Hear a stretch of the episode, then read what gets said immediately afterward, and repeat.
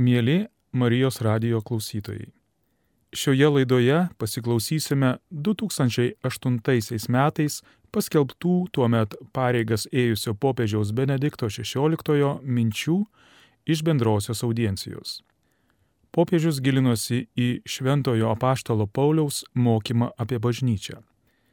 Juo remiasi visa bažnyčios teologija. Brangus broliai ir seserys. Kalbėdami apie Šventojo apaštalo Pauliaus atsivertimą, Jėzaus mokymo skelbimą, krikščionių bendruomenių lankymą bei ūkdymą, aptarkime ir šio iškilaus vyro mokymą apie bažnyčią. Turėtume pradėti nuo to, kad bažnyčia žymintis itališkas žodis kieza, lygiai kaip eglis prancūzų ir iglesija ispanų kalbose, kyla iš graikiško žodžio eklezija. Jis vartojamas Senajame testamente ir reiškia Dievo sušauktą Izraelio tautos susirinkimą, pirmiausia pavyzdinį susirinkimą Sinajaus kalno papėdėje.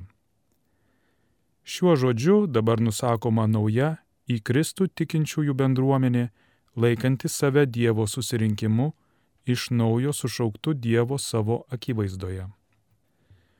Žodį eklezija pavartoja tik Paulius, kuriam priklauso pirmo krikščioniškojo rašto autorystė.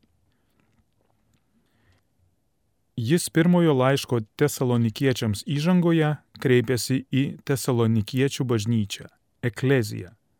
Palyginimui taip pat laodikiečių bažnyčią - ekleziją. Apie tai skaitome apaštalo Pauliaus laiške kolosiečiams ketvirtame skyriuje 16 eilutėje. Kituose laiškuose kalba apie Dievo bažnyčią gyvuojančią Korinte. Pirmojo laiško korintiečiams pirma, antra eilutės. Antrojo laiško korintiečiams pirmos skyriaus pirma eilutė. Ir Galatijoje. Laiškas Galatams pirmos skyriaus antra eilutė ir taip toliau. Taigi, apie dalines bažnyčias, tačiau jis taip pat sako, jog yra persekiojęs Dievo bažnyčią. Ne kokią nors vietinę bendruomenę, bet Dievo bažnyčią. Tad matome, kad žodžiui bažnyčia priskiriama daug reikšmių. Jis reiškia viena vertus Dievo susirinkimus tam tikrose vietose - mieste, kaime, namie - ir kita vertus bažnyčia kaip visuma. Taip pat matome, jog Dievo bažnyčia tai ne vien įvairių vietinių bažnyčių suma, bet viena Dievo bažnyčia, įgyvendinama per įvairias vietinės bažnyčias. Visos kartu yra Dievo bažnyčia. Už pavienės vietinės bažnyčias ankstesnė ir jomis besireiškinti bei įgyvendinama. Svarbu atkreipti dėmesį, kad prie žodžio bažnyčia beveik visada priduriama Dievo. Tai rodo, kad čia ne bendrų idėjų ar interesų pagimdyta žmonių sąjunga, bet Dievo sušauktas sambūris. Dievas bažnyčią sušaukė ir todėl ji yra viena vienintelė visais jos įgyvendinimo pavydalais. Dievo vienumas lemia bažnyčios vienumą visose vietose, kuriuose ji yra. Vėliau laiške Efeziečiams Paulius išsamei gilinsis į bažnyčios vienumo savoką, prieš akis turėdamas Izraelį, Dievo tautą, pranašų laikytą Dievo sužadėtinę ir pašauktą gyventi puoselėjant jungtuvių santyki su juo. Paulius Dievo bažnyčią pristato kaip Kristaus sužadėtinę meilėje, vieno kūno ir vienos dvasios su pačiu Kristumi Žinome, kad jaunasis Paulius buvo karštas naujo sąjūdžio, kurį sudarė Kristaus bažnyčia priešininkas. Jis priešinosi naujam sąjūdžiui, nes jame išvelgė grėsmę ištikimam tikėjimo į vieną Dievą gaivinamos Dievo tautos tradicijos laikymuisi. Tokia ištikimybė pirmiausia reiškėsi apipjaustimu, kultinio švarumo, susilaikymo nuo tam tikrų valgių ir šabo taisyklių paisimu. Makabėjų laikais, kai helenistinis režimas troško visas tautas įpareigoti prisitaikyti prie helenistinės kultūros, kankiniai už tokią ištikimybę mokėdavo krauju. Daugybė izraelitų savo krauju gynė Izraelio pašaukimą. Už tautos tapatybę besireiškusią visais šiais elementais, kankiniai atiduodavo gyvybę. Susitikęs su prisikėlusiu Kristumi, Paulius suprato, jog krikščionys nėra išdavikai. Priešingai, Izraelio Dievas naujomis aplinkybėmis per Kristų išplėtė savo pašaukimą, apriepdamas juo visas tautas ir taip tapo visų tautų Dievu. Būtent per tai dabar įgyvendinama ištikimybė vienam Dievui tam tikrais nuostatais bei taisyklėmis besireiškiantis ypatingumas nebebūtinas, nes dabar visi, kad ir kokie skirtingi, pašaukti Kristuje būti vienos Dievo tautos, Dievo bažnyčios dalis. Naujoje situacijoje Pauliui iškart tapo aiškus vienas dalykas. Pamatinė ir steigiamoji Kristaus ir žodžio kuriuo jis skelbiamas vertė.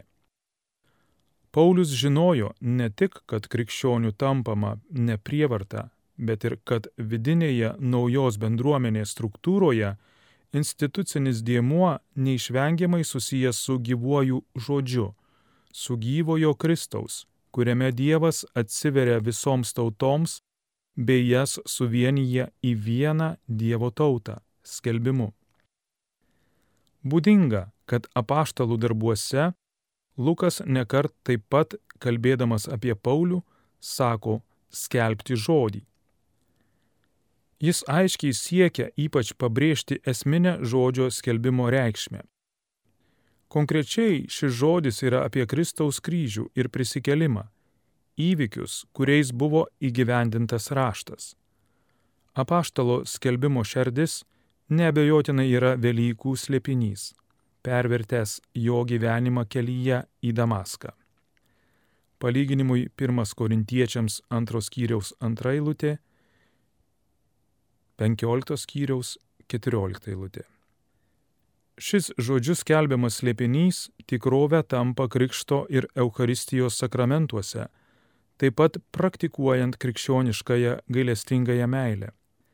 Evangelizacijos darbais Paulius tiesiekė statydinti į Kristų tikinčiųjų bendruomenę.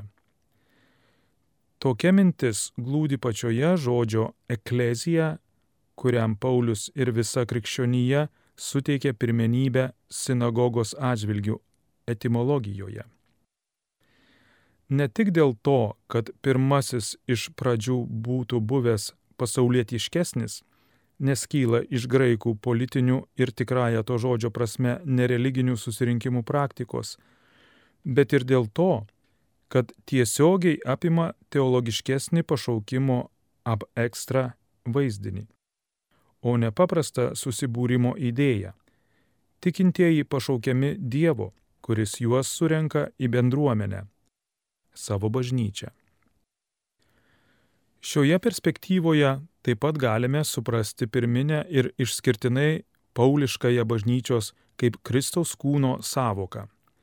Čia turėtume paisyti abiejų šios savokos matmenų. Vienas jų yra sociologinio pobūdžio. Juo remiantis kūną sudaro sudėdamosios dalys, be kurių jis negali egzistuoti. Toks aiškinimas aikštėn išnyra laiške romiečiams ir pirmajame laiške korintiečiams kur Paulius pasitelkė įvaizdį jau vartotą romėnų sociologijoje. Jis sako, jog tauta yra kaip kūnas turintis įvairių narių, iš kurių kiekvienas atlieka ypatingą funkciją. Bet kad kūnas galėtų gyventi ir vykdyti savo užduotis, būtini jie visi, net menkiausias ir iš pirmo žvilgsnio nereikšmingiausias. Apaštalas atitinkamai pastebi, jog bažnyčioje yra daug pašaukimų - pranašo, apaštalo, mokytojo, paprasto žmogaus. Visi jie pašaukti kasdien gyventi meilę.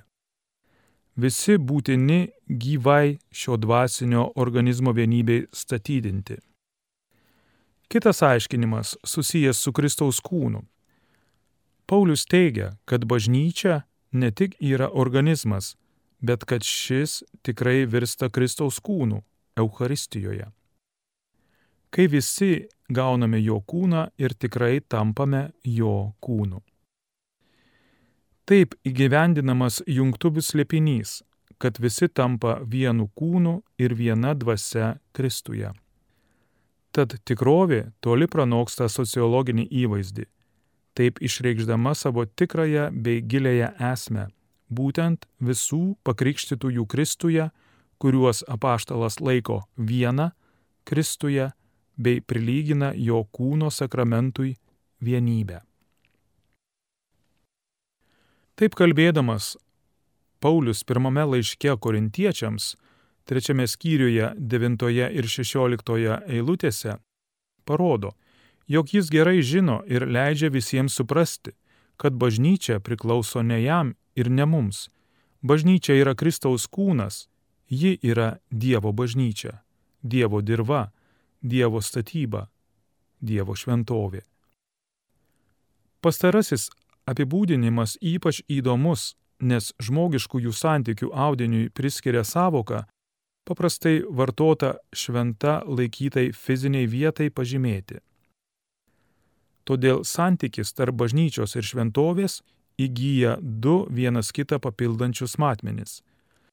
Viena vertus, bažnytiniai bendruomeniai taikoma šventajam pastatui pridėrėjusi atskirtumo bei švarumo savybė, tačiau kita vertus materialios erdvės savoka įveikiama siekiant tokią vertę perkelti gyvai tikėjimo bendruomeniai. Anksčiau šventovės laikytos Dievo buvimo vietomis, tuo tarpu dabar žinoma ir matoma, kad Dievas negyvena akmeniniuose pastuotuose kad jo buvimo vieta pasaulyje yra gyva tikinčiųjų bendruomenė. Apaštalų, o vėliau jų įpėdinių skelbimo žodis per krikštą tampa sakramentu, naujų gimimu iš vandens ir dvasios, kaip vėliau skelbė Jonas. Šventajame laiško romiečiams skyriuje šventasis Paulius labai giliamintiškai kalba apie krikštą. Šią ištrauką naudinga pakartoti. Argi nežinote, jog mes visi pakrikštytieji Kristuje Jėzuje esame pakrikštytieji jo mirtyje? Taigi krikštu mes esame kartu su juo palaidoti mirtyje, kad kaip Jėzus buvo prikeltas iš numirusių tėvo šlovinga gale, taip ir mes pradėtume gyventi atnaujintą gyvenimą. Romiečiams 6 skyriaus 3-4 eilutės. Glaustai norėčiau pastebėti tik tris dalykus. Pirma, veiksmažodis krikštyti nusako, kad veiksmą atlieka ne pats veikėjas. Niekas negali pakrikštyti pats save, tam reikia kito. Niekas negali padaryti save krikščioniu. Tapimas krikščioniu yra pasyvusis procesas. Tik kito dėka galime tapti krikščionimis. Tas kitas, kuris padaro mus krikščionimis, suteikia mums tikėjimo dovaną, pirmiausia yra tikinčiųjų bendruomenė - bažnyčia. Iš bažnyčios gauname tikėjimą ir krikštą ir negalime tapti krikščionimis, nesileisdami būti ugdomi šios bendruomenės. Autonomiška pačių susikurta krikščionybė yra prieštaravimas savaime. Tačiau ši bendruomenė irgi veikia ne iš savęs, pagal savo įsivaizdavimus ir pageidavimus. Ši bendruomenė gyvuoja tame pačiame pasyvėjame procese. Tik Kristus gali sudaryti bažnyčią. Kristus yra tikrasis sakramentų teikėjas. Štai pirmasis momentas. Niekas negali savęs pakrikštyti. Niekas negali padaryti savęs krikščionių. Antra. Krikštas yra daugiau negu nuplovimas. Tai mirtis ir prisikelimas. Paulius pats laiške Galatams nusako savo gyvenimo pervartą, sukeltą susitikimo su prisikėlusiu Kristumi, žodžiu miriau. Nuo šio akimirksnio tikrai prasideda naujas gyvenimas. Tapimas krikščioniu yra daugiau negu kosmetinė operacija, prie daugiau ar mažiau pilnatviškos egzistencijos pridurinti kai ką gražaus. Tai nauja pradžia - atgimimas, mirtis ir prisikėlimas. Žinoma, prisikėlimo metu prisikelia tai, kas ankstesnėje egzistencijoje buvo gera. Trečia. Materija yra sakramento dalis. Krikščionybė nėra grinai dvasinė tikrovė. Ji apriepia kūną, kosmosą. Ji driekiasi lygi naujos žemės ir naujo dangaus. Grįžkime prie paskutinių šventojo apaštalo Pauliaus teksto žodžių. Taip ir mes pradėtume gyventi atnaujintą gyvenimą.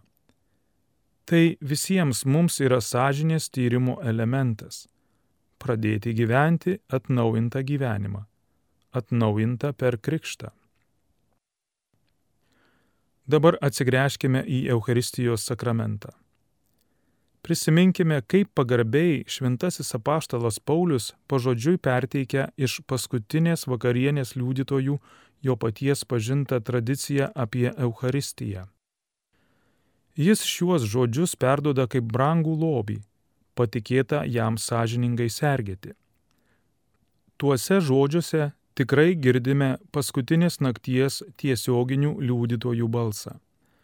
Tad dar kartą pasiklausykime apaštalo žodžių. Jis sako, Aš tai gavau iš viešpaties ir tai perdaviau jums, kad viešpats Jėzus tą naktį, kurią buvo išduotas, paėmė duoną ir sukalbėjęs padėkos maldą, sulaužė ir tarė. Tai yra mano kūnas, kuris už jūs duodamas. Tai darykite mano atminimui. Taip pat po vakarienės jis paėmė taurę ir tarė. Ši taurė yra naujoji sandora mano kraujyje. Kiek kartų gersite, darykite tai mano atminimui. 1 Korintiečiams 11 skyriaus 23-25 eilutės.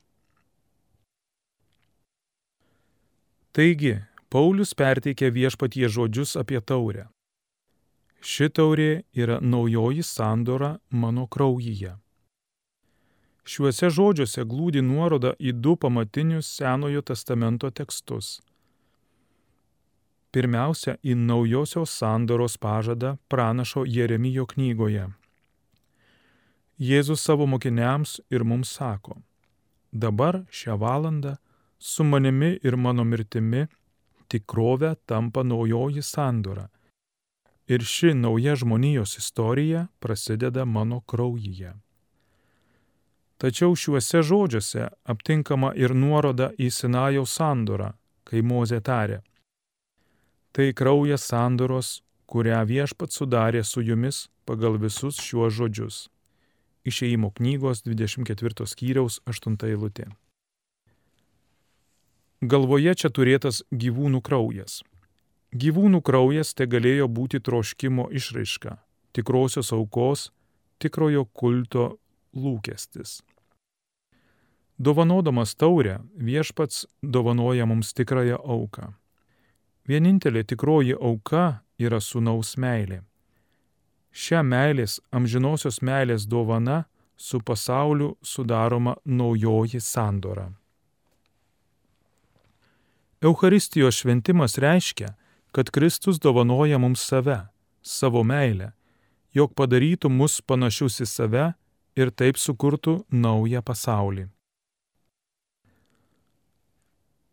Antras svarbus mokymų apie Eucharistiją aspektas išnyra Šventojo Pauliaus pirmajame laiške korintiečiams, kur jis sako, Argi laiminimo taurė, kurią laiminame, nėra bendravimas Kristaus kraujyje? Argi duona, kurią laužome, nėra bendravimas Kristaus kūne?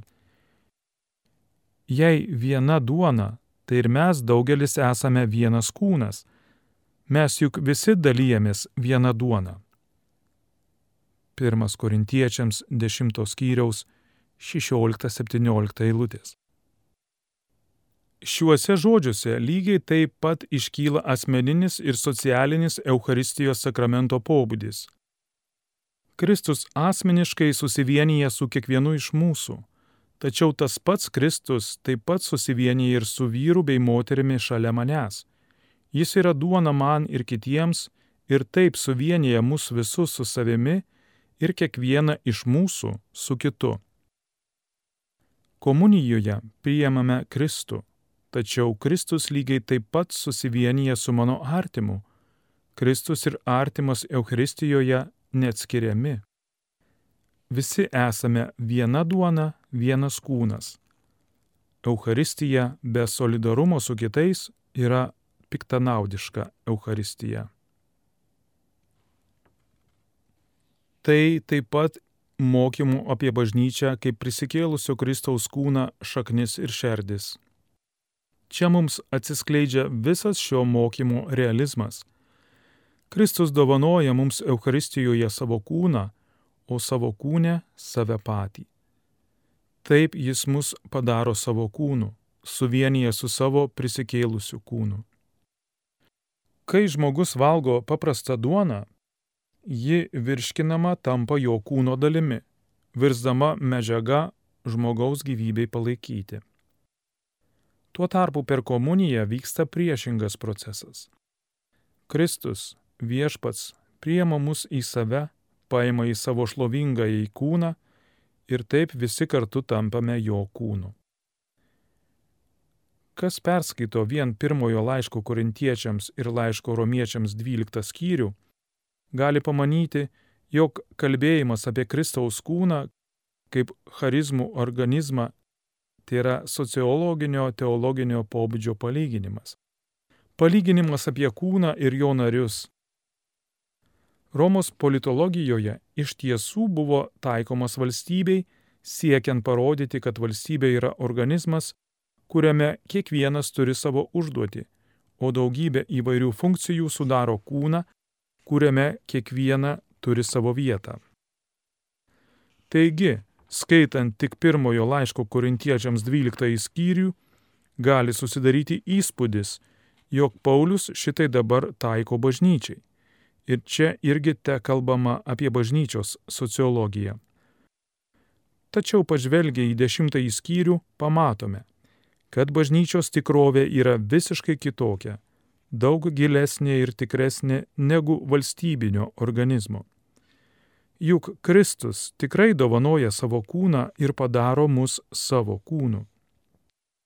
Mes tikrai suvienijami su prisikėlusiu Kristaus kūnu ir per tai vienas su kitu. Bažnyčia nėra vien korporacija kaip valstybė. Ji yra kūnas, ne organizacija, bet tikras organizmas. Dar keli žodžiai apie santokos sakramentą. Pirmajame laiške korintiečiams aptinkame tik kelias užuominas, tuo tarpu laiške efeziečiams iš ties išplėtojama gili santokos teologija. Paulius santuoką čia apibrėžia kaip didelį slėpinį. Jis tai sako, žvelgdamas į Kristų ir bažnyčią. Šiame tekste išriškėja vertikalaus matmens abipusiškumas. Abipusiam dovanojimuisi nusakyti būtina meilės, kurios pavyzdys yra Kristaus meilė bažnyčiai, kalba. Šis Kristaus ir bažnyčios santykis daro dieviškai santuokinės meilės aspektą prioritetiniu, išaukština emocinį sutuoktinių santykį. Tikra santuoka įgyvendinama tinkamai, kai ji nuolatos žmogiškai ir emociškai augant lieka neatskiriamai susijęta su žodžio veikimu ir krikšto prasme. Kristus pašventino bažnyčią, nuplaudamas ją vandeniu ir žodžiu, dalyvaujant viešpaties kūne ir kraujyje, malonės neišardoma padaryta sąjunga sustiprinama ir paverčiama regima. Turėtume atminti, kad malda yra Dievo vaiko gyvas ryšys su be galo geru tėvu, jo sūnumi Jėzumi Kristumi ir šventąją dvasia. Maldos gyvenimo esmė yra nuolat jausti Dievo artumą, gyventi palaikant kasdienį ryšį su Dievu, kaip su artimiausiu šeimos nariu, kaip su tikru draugu. Kaip tik santykis su Dievu apšviečia visus kitus mūsų santykius. Tokia gyvenimo bendrystė su trivieniu Dievu galima todėl, kad esame krikštu įtraukti į Kristų ir nuo tada suvienyti su juo. Palyginimui laiškas romiečiams šeštos skyriaus penktą eilutę. Iš tiesų, tik bendrystėje su Kristumi galime pažinti Dievą kaip tikrą tėvą. Todėl krikščioniškosios maldos esmė yra niekada nenugręžti žvilgsnio nuo Kristaus, bet nuolatos žvelgti į jį vis naujai, kalbėti su juo, pasilikti tyloje su juo, klausytis jo, veikti ir kentėti su juo. Kristuje visos kūrinijos pirmgimyje kuriame visa sukurta, krikščionis vėl atranda savo tikrąją tapatybę. Susitapatindamas, susivienindamas su juo, pažįstu savo žmogiškąją tapatybę, tikrojo sunaus, žvelgiančio į Dievą kaip į meilės kupiną Dievą, tapatybę. Kristų kaip gyvą asmenį atrandame, pažįstame bažnyčioje. Ji yra jo kūnas. Ta kūniškumą padeda suprasti Biblijos žodžiai apie vyrą ir moterį. Abu tampa vienu kūnu. Kristaus ir bažnyčios ryšys neišardomas dėl meilės vienijančios galios.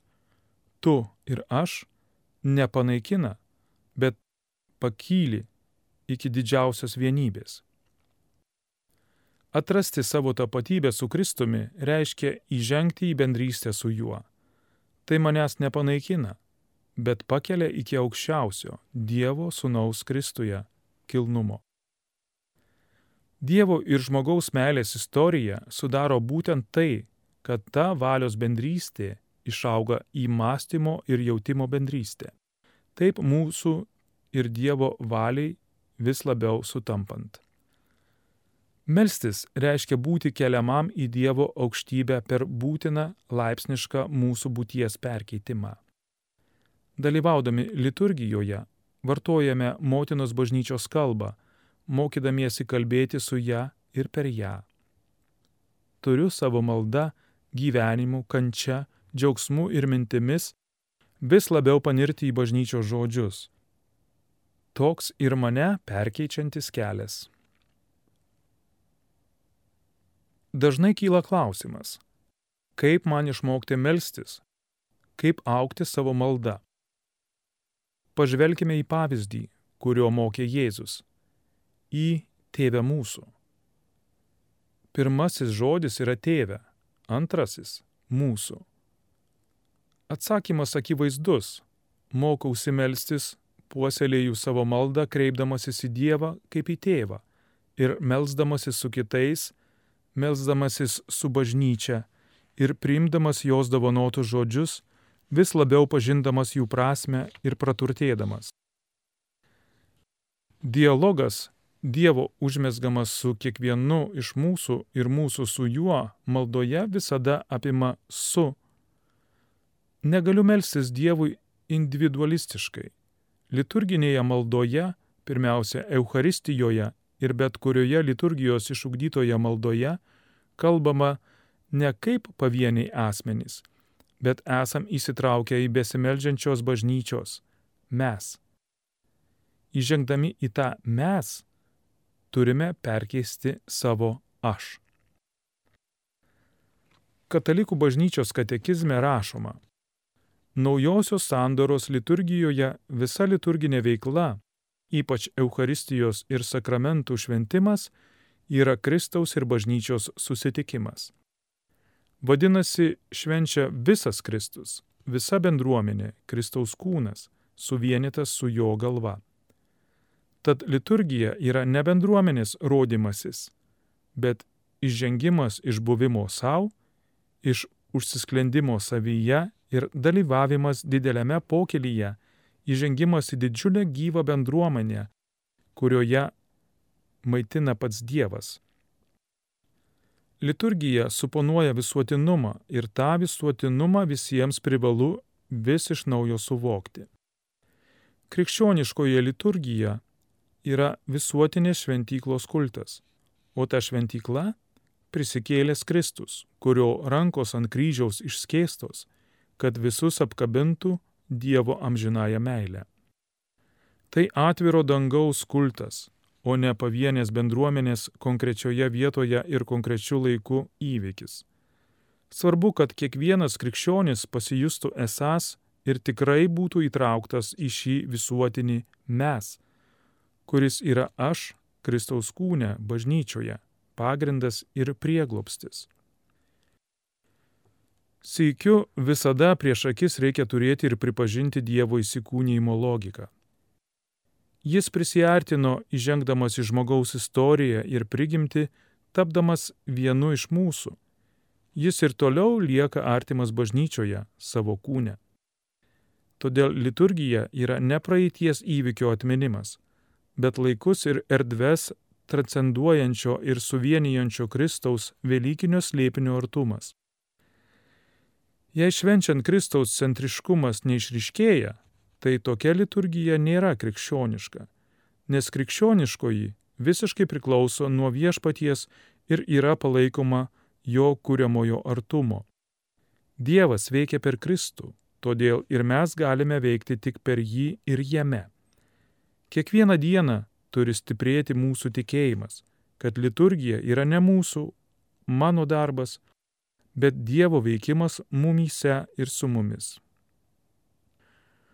Vadinasi, liturgija švenčia ne individas, kunigas ar tikintysis ar grupė. Tai pirmiausia yra Dievo veikimas per bažnyčią, turinčią savo istoriją, turtingą tradiciją ir kūrybinės galios. Dėl liturgijai būdingo tokio visuotinumo ir pamatinio atvirumo, ji niekada negali būti pavienės bendruomenės ar žinovų išgalvojama ar keičiama, bet visada turi išlikti ištikima visuotinės bažnyčios formoms Net mažiausios bendruomenės liturgijoje visada yra visa bažnyčia. Todėl liturginėje bendruomenėje nėra svetimų. Kiekviename liturginėme šventime dalyvauja visa bažnyčia, dangus ir žemė, Dievas ir žmonės. Net ir švenčiama konkrečioje vietoje ir konkrečiu laiku, bei esanti apibrieštos bendruomenės, taip, krikščioniškoji liturgija pagal savo prigimti yra visuotinė kylanti iš visa ir vedantis į visą, vienybėje su popiežiumi, vyskupais, visų amžių ir vietovių tikinčiaisiais. Juo giliau tai suvokiama, švenčiant, juo vaisingiau įgyvendinama autentiška liturgijos prasme. Atskirai pravartu apmastyti Dievo tautos apibūdinimą. Pauliaus daugiausia taikoma Senojo testamento tautai bei taip pat pagonims buvusiems ne tauta ir Dievo tauta tapusiems dėl jų įtraukimo į Kristų per žodį ir sakramentą. Galiausiai paskutinis niuansas. Pirmame laiške Timotiejui, trečiame skyriuje, penkioliktoje eilutėje, Paulius vadina bažnyčią Dievo namais. Tai tikrai originalus apibrėžimas, nes juo bažnyčia nusakoma kaip bendruomeninė struktūra kuriai būdingi šeimos pobūdžio žmogiškiai santykiai. Apaštalas padeda mums vis giliau suprasti bažnyčios lėpinį, atskleisdamas jos kaip Dievo susirinkimo įvairius matmenis. Štai bažnyčios ir mūsų pašaukimo didybė. Esame Dievo šventovė pasaulyje, vieta, kur tikrai gyvena Dievas ir sykiu esame bendruomenė. Dievo, kuris yra meilė, šeima. Kaip šeima ir Dievo namai turime pasaulyje įgyvendinti Dievo meilę ir šitokiu būdu semdamiesi jėgos iš tikėjimo, būti jo artumo vieta ir ženklas. Melskime viešpatį, kad mums leistų vis labiau būti jo bažnyčia, jo kūnu, jo meilės artumo vieta šiame pasaulyje ir mūsų istorijoje. Nepamirškime Šventojo Paulius žodžių filipiečiams viešpats yra arti. Viešpats visą gyvenimą yra arti mūsų bažnyčioje per žodį ir sakramentus. Melskime jo, kad savo būties gelmėje būtume šio jo artumo vis labiau paliečiami ir užsidegtume džiaugsmu, kuris turi įsižiebti ten, kur Jėzus tikrai yra arti.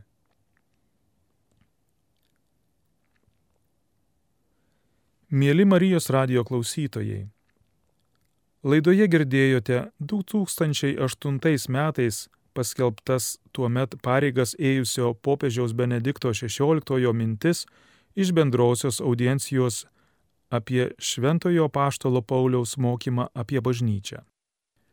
Skaitė Mindaugas Zimkus.